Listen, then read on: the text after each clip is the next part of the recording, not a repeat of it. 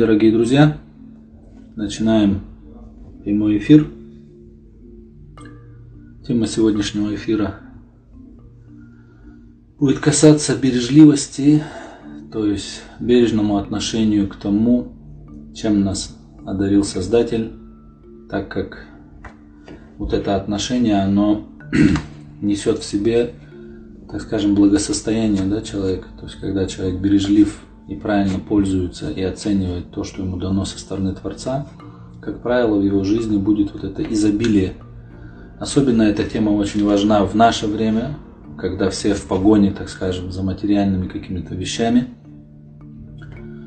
э, увлекаются этим, да, и каждому не хватает, и этот постоянный бег, и по сути вся жизнь человека уходит на то, чтобы приобрести всякие вот эти вот побрякушки – и большинство, так скажем, таких ловушек для человека, они как раз расставлены на пути зарабатывания вот этих средств к существованию.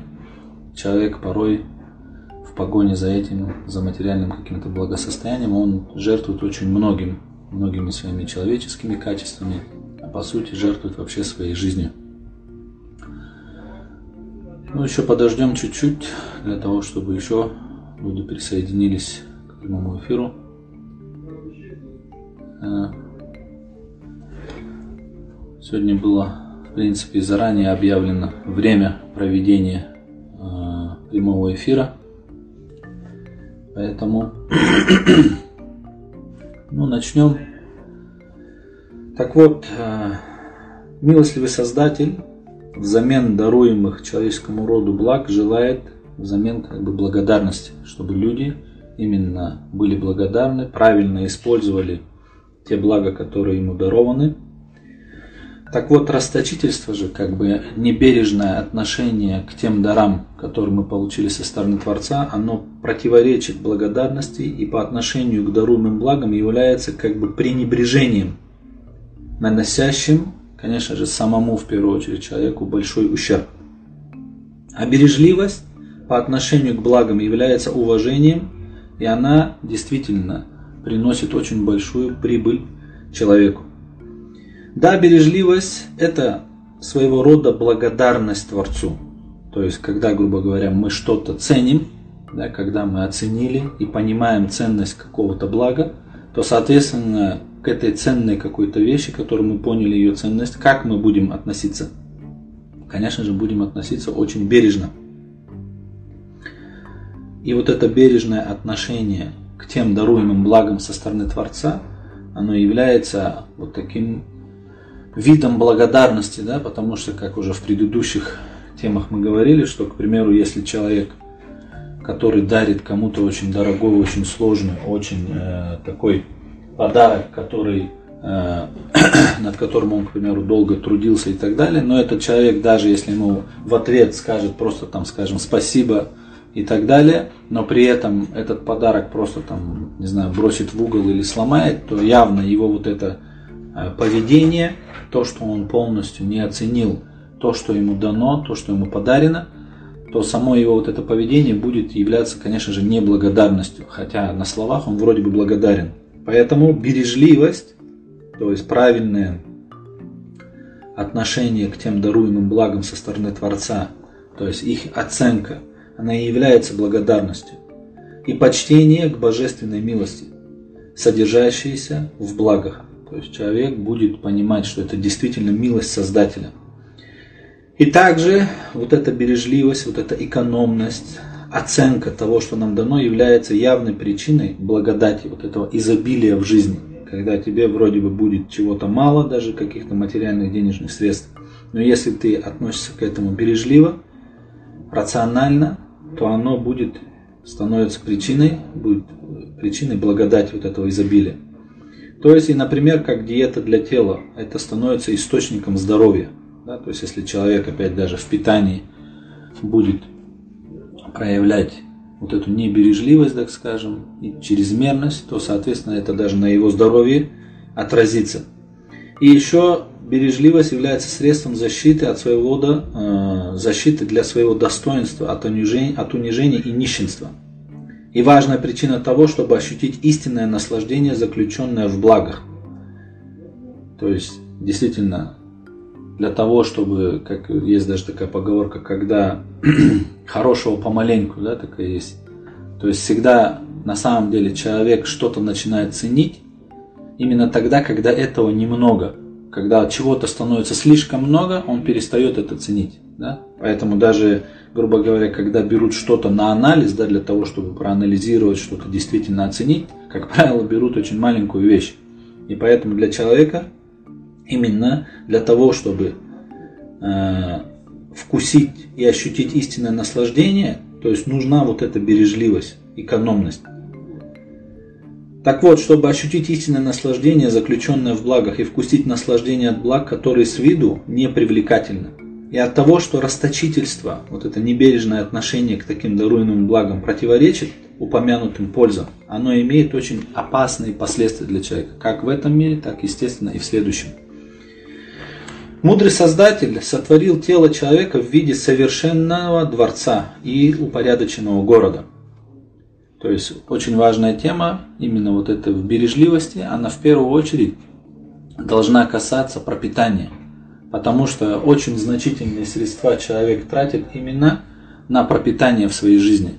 И если человек, в принципе, научится в этом отношении поступать рационально, да, и бережливо, экономно, то он очень большие средства, во-первых, сэкономит, и это будет причиной действительно благодати. И для того, чтобы вот это понять, здесь вот такой будет своеобразный пример приведен, в котором действительно приводится пример, что человек, его тело сотворено со стороны Создателя в виде некого дворца и упорядоченного города. Вкусовое восприятие рта да, и его обоняние словно привратник, то есть который пропускает или не пропускает, а нервы, то есть нервная система, подобно телефонным проводам, является средством связи между вкусовым восприятием рта да, и желудком, расположенным как бы в центре тела. Посредством нее передается сообщение пищи, поступающей в рот. Если в ней нет пользы или она невкусна для желудка и тела, да, поступает сигнал запрета, и она выводится наружу. А иной раз, вместе с тем, что пища бесполезна, она еще и вредна и горька, в таком случае она тут же выдворяется назад. Таким образом, поскольку вкусовое ощущение, вот это вкусовое восприятие рта является своего рода привратником, то есть неким охранником, то желудок с этой точки зрения управления телом это как некий господин и правитель. Да, то есть так как грубо говоря, питание, то есть тело, то с этой точки зрения язык является на положении привратника, то есть некого охранника, а желудок, да, то есть эта вся остальная пищеварительная система, она находится на уровне правителя.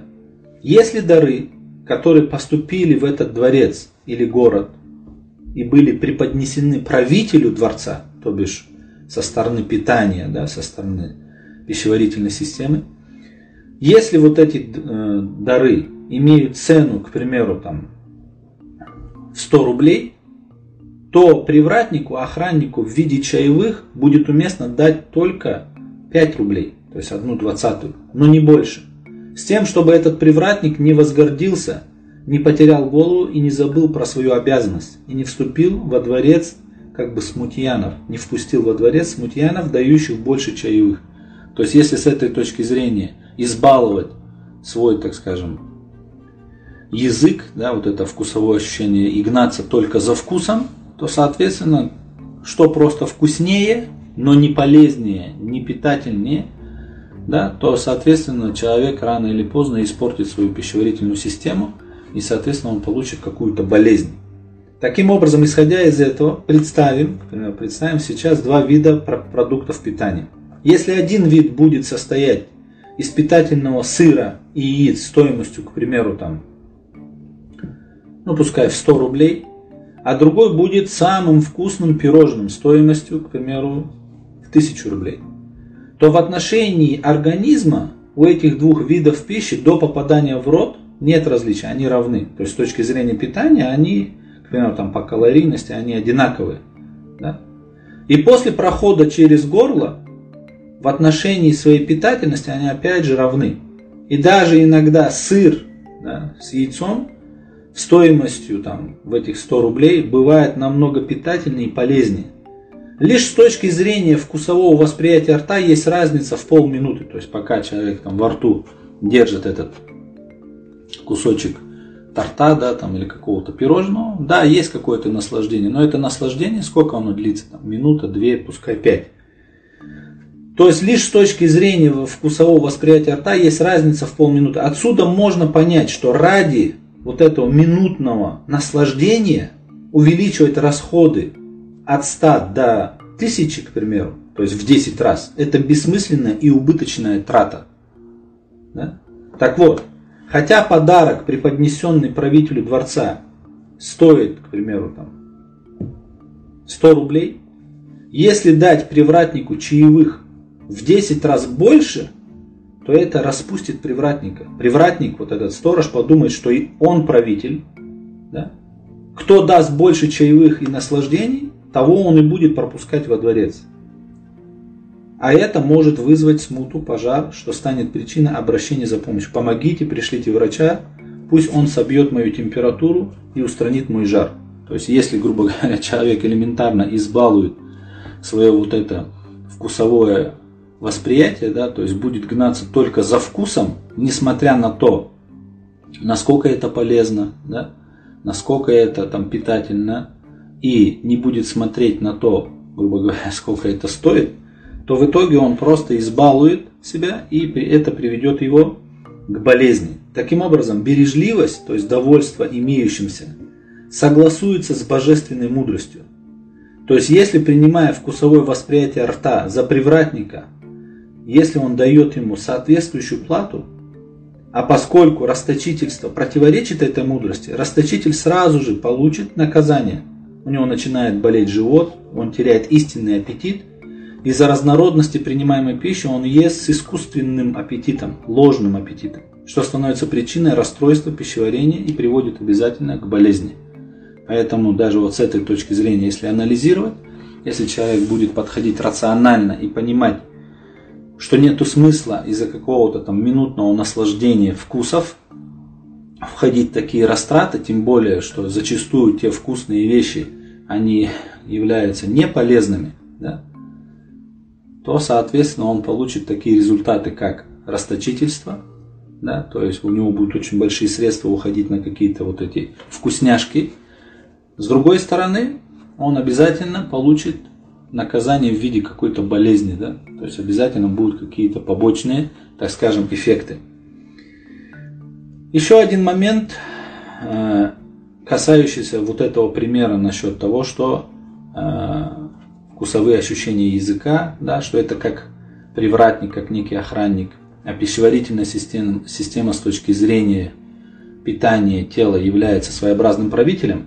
Но если на этого, как в вот этом предыдущем примере мы говорили, что вкусовое восприятие рта это словно привратник. Да, вкусовое восприятие у беспечных, духовно неразвитых и не умножающих свою благодарность людей Действительно, у них вот это вкусовое ощущение рта выступает в роли лишь привратника.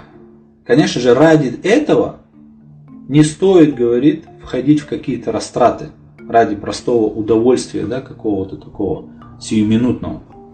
Но если же, говорит, восприятие рта у истинно благодарных, познавших истину и духовно развитых людей, у них уже вот это восприятие вкусов, да, выступает в роли смотрителя и инспектора кухонь божественной милости.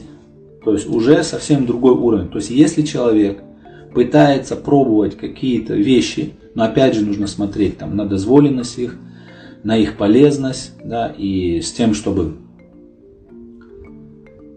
э, вообще, если вопрос в карандаше и рук, то смотреть э, можно не смотреть, можно слушать и участвовать как бы в теме.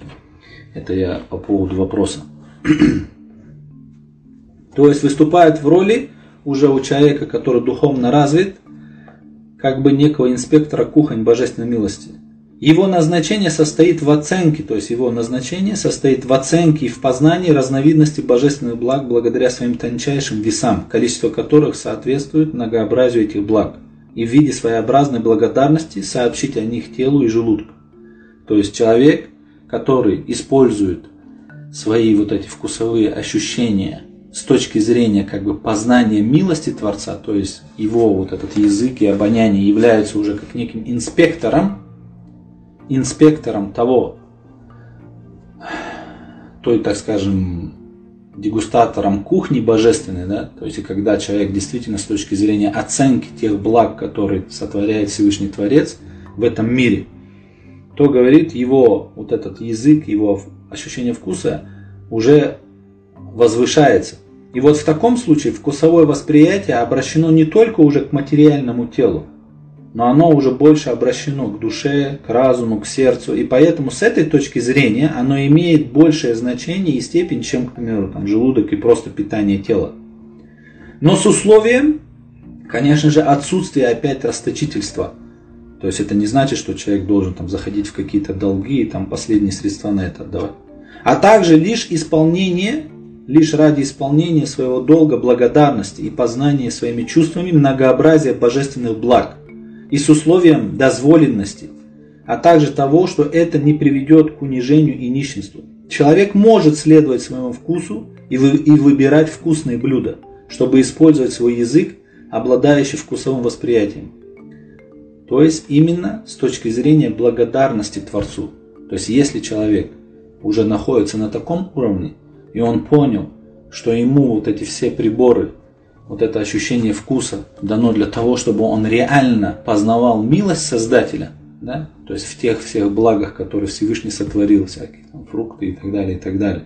С этой точки зрения человек может идти за своим вкусом, но опять же есть условия, чтобы это было дозволено, чтобы в этом не было расточительства, чтобы человек из-за этого не унижался и там и не жертвовал какими-то, так скажем, духовными, возвышенными или человеческими чувствами. Для того, чтобы раскрыть этот секрет, э, как некая притча есть такая, когда один такой, скажем, духовный учитель, очень, э, так скажем, ученый большой, такой праведник, и у него на воспитании был один э, единственный сын пожилой и капризной женщины. И вот эта почтенная, престарелая женщина войдя в келью своего сына, увидела, что ее сын ест кусок черствого черного хлеба. Своей слабостью от аскетического образа жизни ее сын привлек к себе сострадание своей матери. Она пожалела его, и затем, чтобы пожаловаться, она направилась вот к этому учителю, к этому святому человеку. И увидела, когда зашла к нему, что тот ест жареную курицу. От своей несдержанности она воскликнула, «О, учитель, мой сын умирает от голода, а ты кушаешь курицу». Тогда тот святой человек, да, то есть праведник, повелел курице, оживись по воле Всевышнего. И о том, что кости жареной курицы вдруг соединились в виде, да, то есть живого петуха или курицы, выскочили из тарелки, дошло до нас через достоверные предания. От многих заслуживающих доверия авторитетных людей, как чудо вот этой личности, известной по всему миру своими удивительными чудесами. И тогда этот учитель сказал, когда и твой сын достигнет такого уровня, тогда и он может есть курицу. То есть в чем секрет это как бы вот этой притчи, да, вот этой истории?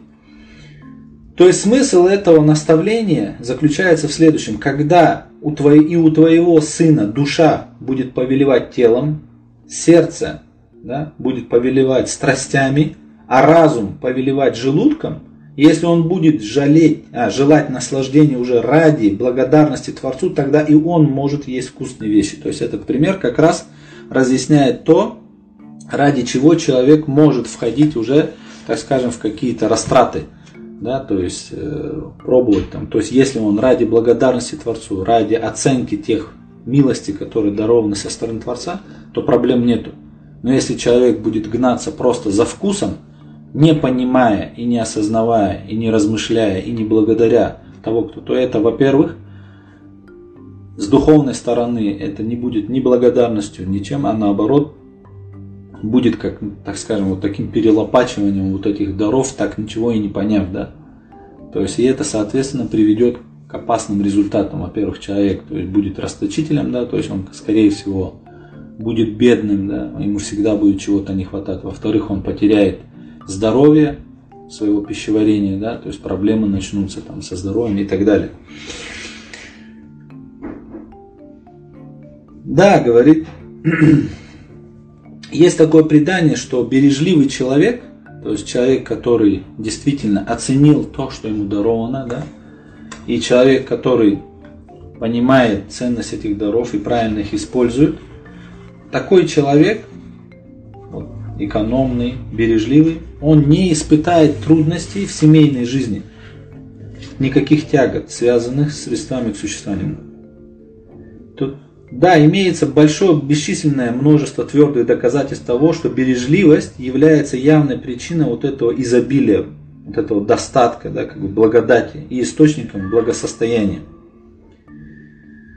Да, тот, кто бережлив, склонен э, все к тому, что у него, как сказать, даже средств, средства будут какие-то небольшие, но этих средств ему будет хватать. Да? А человек, который не бережлив, он будет склонен духовно подвергаться унижению из-за попрошайничества и нужды.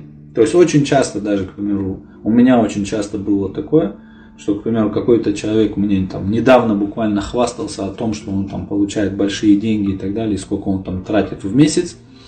Через короткое время этот человек приходил и уже просил в долг деньги.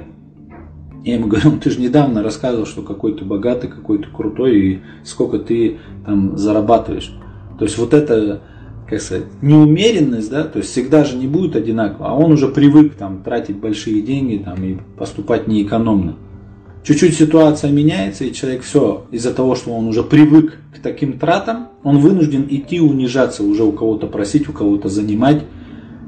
А на этом вообще вся построена, так скажем, система вот на этой, э, так скажем, система вот эта мирская, то есть она построена именно на жадности людей.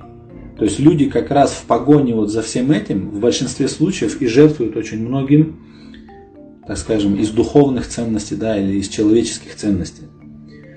Потому что деньги, которые в нынешнее время становятся причиной расточительства, они в наше время достаются людям очень дорого. За них порой продается честь, порядочность, дается взятка, а иногда, чтобы получить эти злосчастные деньги, продается вера, ее святыни и так далее. Стало быть, теряя важные духовные ценности, взамен обретаются незначительные материальные средства. То есть, что мы и видим. Да, то есть все в большинстве случаев люди что в погоне вот за этими побрякушками, материальными нуждами, да, которые зачастую они искусственно раздуты. Правильно же? Потому что есть как бы два вида пропитания. То есть есть действительно у человека есть два вида того, что ему действительно нужно. Да? То есть пропитание как бы делится на два вида. Первый вид – это действительно средства к существованию, благодаря которым человек может жить. Как видно из практики, любой человек на своей жизни это, да, то есть никто не остается в принципе голодным. Да, то есть это, потому что пропитание этого рода, да, того, чтобы ты мог жить и продолжать существование, оно находится под обязательством Всевышнего. Если, конечно, не, в него не вмешается воля человека то эти необходимые средства он, несомненно, сможет найти, не вынуждая себя жертвовать ни своей верой, ни своей порядочностью, ни своей честью, ни своей духовностью. А второй вид пропитания – это мнимые средства к жизни, когда из-за злоупотреблений второстепенные потребности переходят в разряд первостепенных, от которых из-за привычки уже невозможно отказаться. И вся современная цивилизация – она построена именно на этом. Вся реклама, все вот эти там мода и так далее, и так далее, она именно построена на том, что постоянный был вот этот бег за вот этими вещами. И люди в погоне за этим, за новым, там, не знаю, телефоном, новое что-то вышло, новое, новое, новое, новое, новое. Хотя, в принципе, у него такой нужды нету в этом. То есть это же явно искусственное, как бы, вот такой искусственный достаток который действительно человек не нуждается в нем. Но люди именно в, поге, в побеге за, в, в погоне вот за этими вещами жертвуют, по сути, своей жизнью, своей вечной жизнью, да, своей верой, своей человечностью, своей порядочностью. Так вот, из-за того, что эти средства не находятся под обязательством Всевышнего, то есть вот эти искусственные да, вещи, они, особенно в нынешнее время, обходятся очень дорого. Сначала жертвуется достоинство, принимая унижение, иной раз опускаясь до состояния нищенства, целуя ноги низких людей. То есть люди, посмотрите, как унижаются, бегая за какими-то вещами. А иногда жертвуются духовными ценностями своей веры, являющимся светом вечной жизни. Такой человек обретает злосчастный, не приносящий добра вещи. А также, то есть, если человек поразмышляет над тем, что в мире есть очень много людей, которые, у которых достаток намного меньше, чем у него. Да? На сегодняшний момент, там, например, миллиард людей почти не может себе, то есть пропитания нет. Да? То есть там еще пару миллиардов там, не имеет своих домов и так далее. То есть если человек с этой точки зрения поразмышляет, он увидит, что он находится в очень маленькой группе людей, у которых очень много что есть. И поэтому человек должен ценить то, что ему дано оценивать. И понимая, что, к примеру, есть люди в таком состоянии, а он будет там просто с наслаждением там что-то там употреблять.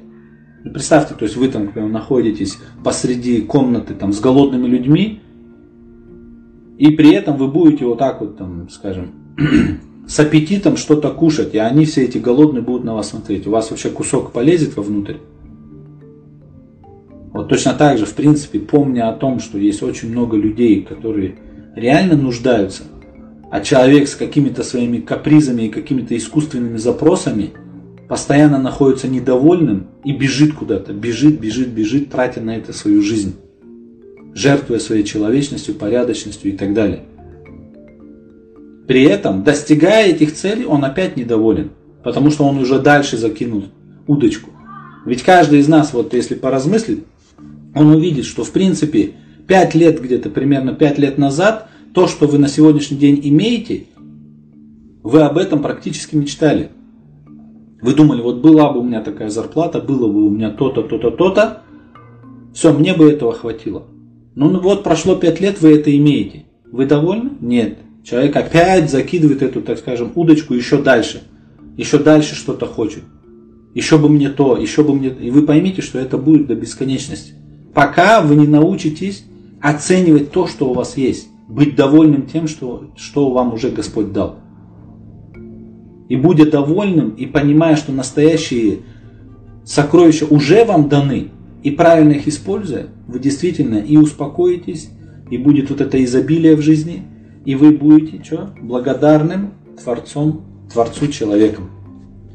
Если есть какие-то еще вопросы по теме, задавайте постараемся обсудить.